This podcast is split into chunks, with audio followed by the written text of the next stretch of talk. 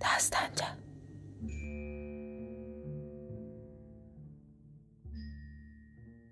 Böyük qazanc. Bugünkü iclas Məşədi Kazım Ağanın evində idi. Məhəmməd Əlinin İrana gətirilməsi və bundan Tehranın xəbərdar olub olmaması məsələsi müzakirə ediləcəkdi. İclasda yalnız Hacəli, Əmir Hişmət, Mirzəhməd, Məşədi Kazım ağa iştirak edəcəkdi. İkimiz oturub yoldaşları gözləyirdik. Mən əvvəlcə Məşədi Kazım ağaya Amerikalıların fikrini bildirdim. Amerika ticarət müəssisələri ilə əlaqəniz vardırmı? deyə soruşdum. Vardır. Onlar daima bizə böyük etibarlar buraxırlar. Xüsusən bu günlər bizə böyük bir mal və uzun müddətli bir etibar buraxmaq təklifini də etdilər. Biz qəbul etmədik. Nə üçün? Çünki mallar ağır satılan mallardır. Dalısı da gəlir. O qədər də qazanclı deyildir. Səhər tezdən Amerika ticarət müəssisələrinin hamısı ilə müqavilə bağlar, əllərində olan bütün malları alarsınız. Bu mümkündürmü? Onlar sizə etibar etməzlərmi? Nə üçün etməzlər? Biz aldığımız malları əridə bilərik. Sizə nə deyirəmsə, elə də edin. Vaşinqtondan və Tehrandan gələn əmrə görə Amerika ticarət müəssisələri ticarəti dayandıracaq və İran tacirlərinə veriləcək etibarı kəsəcəklər. Belə olduqda daha onlar bizə etibar buraxarmı? Mal satarmı? Satarlar. Hələ onlara xəbər verilməmişdir. Bu günlərdə ümumi müşavirə çağırılacaqdır.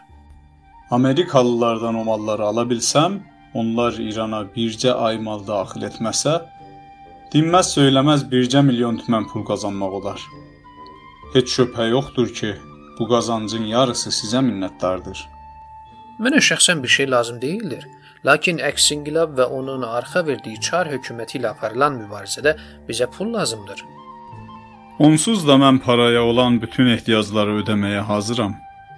deyərək ticarətin dadlı xəyalları bu İran demokratının nəzərində cilvələnməyə başladı.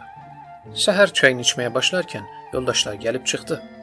Mən Rus konsulxanasından aldığım məlumatı iclasdakılara xəbər verdim. Bu xəbər hamını düşündürdü. Tehrana xəbər verilməlidir. Müəyyən sərhədlərdə hazırlıq görmələri lazımdır. Tehran bilmir. Bilsəydi səs çıxarmışdı. deyə Acəli söz aldı. Hamı danışırdı. Məhəmməd Əlinin Təbrizə gələcəyi ehtimalını aralığa sürdülər. Bəlkə də o buradakı ruslara arxalanmaqla e, öz qüvvəsini toplayıb Tehrana yürüş edəcəkdir. deyə Mirzəhməd inandırıcı bir vəziyyət alaraq soruşdu. Yox, belə iş olmaz, dedim. Ruslar onu Təbrizə gətirməz. Açıqdan açığa ona yardım belə verə bilməz. Məhəmmədəli Türkmənistan, yəni ki, Qoçan və Xorasandan işə başlayacaqdır. İclasda Tehrana məktub göndərməkmi, teleqram vurmaqmı məsələsi də müzakirə edildi. Məşədi Kazım ağanın Tehrandakı ticarət şöbəsinə teleqram göndərmək, oranın vasitəsilə də hökumətin qulağına çatdırmaq qərarı alındı. Teleqramı Məşədi Kazım ağa özü tərtib etdi və xüsusi bir məktubla post teleqraf rəisinə göndərdi. Teleqram belə idi: Rusiyaya göndərdiyimiz malı geri qaytarırlar. Hansı bəndərdən keçəcəyi məlum deyildir. Əlbəttə, bu barədə təşəbbüsdə bulunmalısınız. Təfsilatı post ilə göndərəcəyəm. Kazım. Biz hələ müzakirəmizi bitirməmişdik ki, post teleqraf rəisi göndərdiyimiz teleqramla bərabər gəldi və Teleqramı belə göndərmək mümkün deyildir. Ruslar bütün teleqramları müayinə edir. Lentlərin hamısı Şahzadə bağında müəyyən adamlar tərəfindən tərcümə edilir. Bunun başqa bir çarası vardır.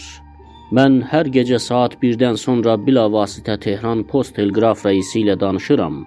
Bu cür teleqramları ancaq onun vasitəsilə lazımi yerinə göndərə bilərik. dedi. Mən bu adamı tanımırdım. Hacəli ağa bunu hiss etdiyindən məni post teleqraf rəisi ilə tanış etdi. Dastanca. Qeyrətli cavanlarımızdan birisidir. İngilis və rusların birinci düşmənidir. Tehran teleqraf rəisi Nədim Sultan cənabları da Cənab Bəsirül Mülkün böyük qardaşıdır. Bu Dudman nəcib bir Dudmandır. dedi. Mən Bəsirül Mülk ilə tanış oldum və tanışlıqdan çox məmnun qaldım. Çünki Cülfa Post Teleqraf rəisi ilə olan lazımi işlərimi bu vasitə ilə düzəltmək mümkün idi. Mən Bəsirül Mülkə belə bir sual verdim. E, sizin Tehranla olan müxabiratınızın lentləri ümumi lentlərə daxil deyildirmi? Xeyr. Onları tələf edirik. Ancaq dəftərə düşən teleqramların lentləri tələb olunur. Bir də Təbrizdən başqa rusların başqa teleqrafxanalarda nüfuzu yoxdur. Ona görə də biz Qəzvinə çağırır, yolu açdıqdan sonra Tehran ilə danışa bilərik. Rusların bunları təftiş etmək üçün də imkanları yoxdur. Bu barədə əmin ola bilərsiniz. deyə bir daha əlimi sıxıb getdi. Dastanca. Juya ayının 18-ci günü idi. Təbrizdə indiyə qədər belə istini xəbər verən yox idi. Axşam evə çox tez gəldim. Hüseynəli yavaş-yavaş çubuğunun başını hovuzun daşına vuraraq boşaldırdı və gülləri suvarmağa hazırlaşırdı. Mən bu gün Nina ilə görüşməmişdim. Onlardan xəbərim yox idi. Yığışıb Ninanın evinə gedərkən Məşədi Kazım ağa gəldi. Teleqramın cavabı gəlmişdir. deyə sevinə-sevinə mənə müraciət etdi. Tehranın Məhəmmədəli məsələsindən xəbəri yox imiş. Məşədi Kazım ağa bunu deyib gülməyə başladı. "Nə üçün gülürsünüz?" deyə soruşdum. E, yeni bir xəbər varmı? 3 Amerika ticarət müəssisəsi ilə bir iş düzəltdim. Hər nə qədər əllərində malları varsa aldım. Hərgah Məhəmmədəli məsələsi yalan olsa, o İrana gəlməsə və Amerikalılar ticarəti dayandırmasa, mən müflis olacağam. Börkümü də satsam görməz. deyə əlavə etdi. Bu məsələ doğru olduqda isə Təbrizdə bir nəfər də olsa mənim qabağıma dura bilməz. Ən azı 1 milyon tümən. deyərək bir də güldü. E, gülməyinizə yenə də mi bir səbəb vardır? Deyə soruşdum. Vardır.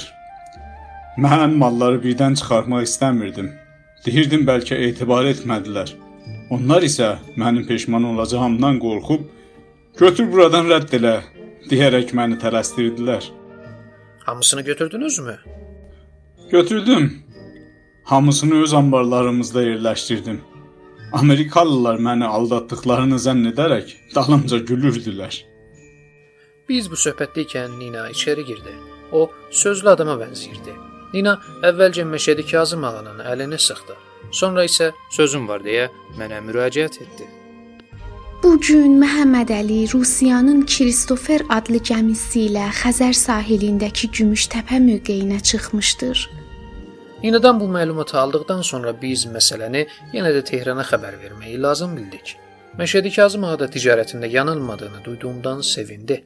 O, post teleqraf rəisi Bəsirül Mülkü görmək üçün getdikdə Nina xanım da şam yeməyinə qalsın. Bu saat qayıdıram. deyə tapşırdı. Nina ilə mən isə hovuzun ətrafındakı miz üzərinə qoyulmuş tutlardan yeməyə başladıq. Hüseynəli də mizdən uzaqda öz kürsüsü üstündə oturub dincəlməyə başladı. Çubuğunun yanından sallanan dəmir bizin ucu ilə çubuğun başını deşmişdi. Püflədi, köhlədi. Göy qədəh kisəsinin içinə salıb o tərəf bu tərəfə buladıqdan sonra çıxardı. Barmağının yanı ilə çubuğun başındakı artıq tütünü kisəyə tökəndən sonra barmağı ilə tütünü basıb çubuğun başında bərkitdi. Mən onun çubuğuna kibrit çəkmək istədimsə də razı olmadı. Kibritin alovu çubuğun ləzzətinə aparır. deyə əlini börkünün təpəsinə aparıb biraz qov çıxardı. Çaxmaq daşı ilə yandırıb çubuğun başına qoydu. Əvvəlcə dodaqlarının ucu ilə qovu bir balaca alışdırdı. Sonra dərin nəfəslər vurmağa başladı və yenə də öz həyatından söhbət açdı. Mən hələ qocalmazdım. Səfinin dərdi məni qocaltdı. Səfi kimdir? deyə Nina soruşdu.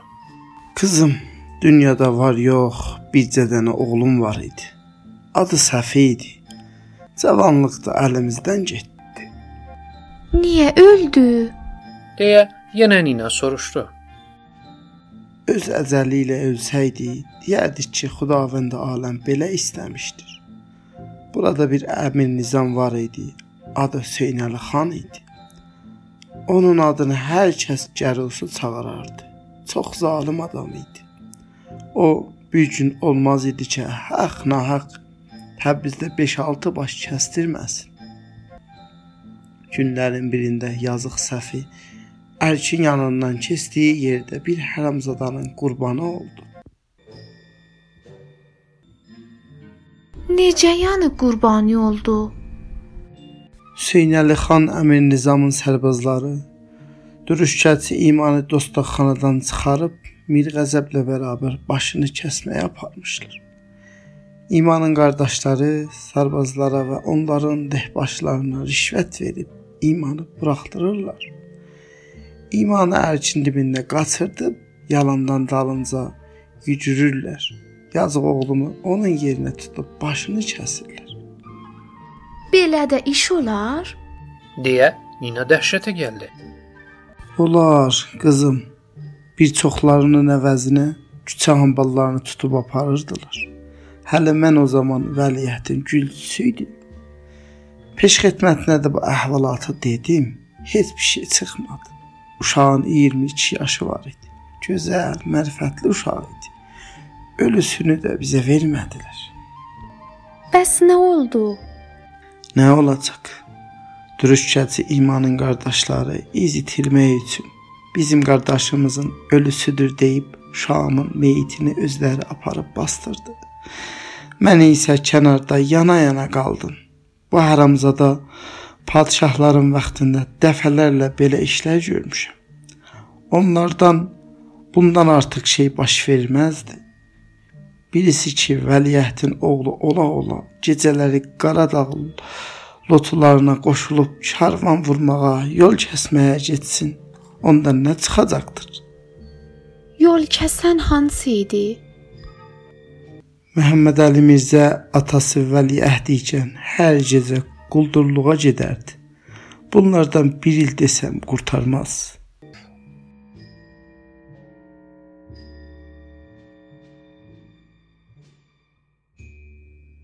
Kitabın adı Dumanlı Təbriz. Yazar Məhəmməd Səid Ordubadı.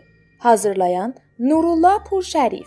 Bu bölümdə səsləndirdilər: Ravi Kamal Alqın Məşdi Kazım ağa, Mehdi Şiri, Hacı Əli, Səccad Müslimi, Mirzə Əhməd Süheyli, Riza Hüseyn Nəcad, Post Teleqraf rəisi Bəsirül Mülk, Mehdi Miyablı, Hüseynəli əmi, Hüseyn Əkbərzadə, Mishanna Mina Purheydər, yönetmən Saray Tahiri, düzənləyən Səccad Müslimi. Bizim axağa qatılmaqla işimizin ardını tutmaqda bizə dəstək olun. Axağımızın adresi Dastanca.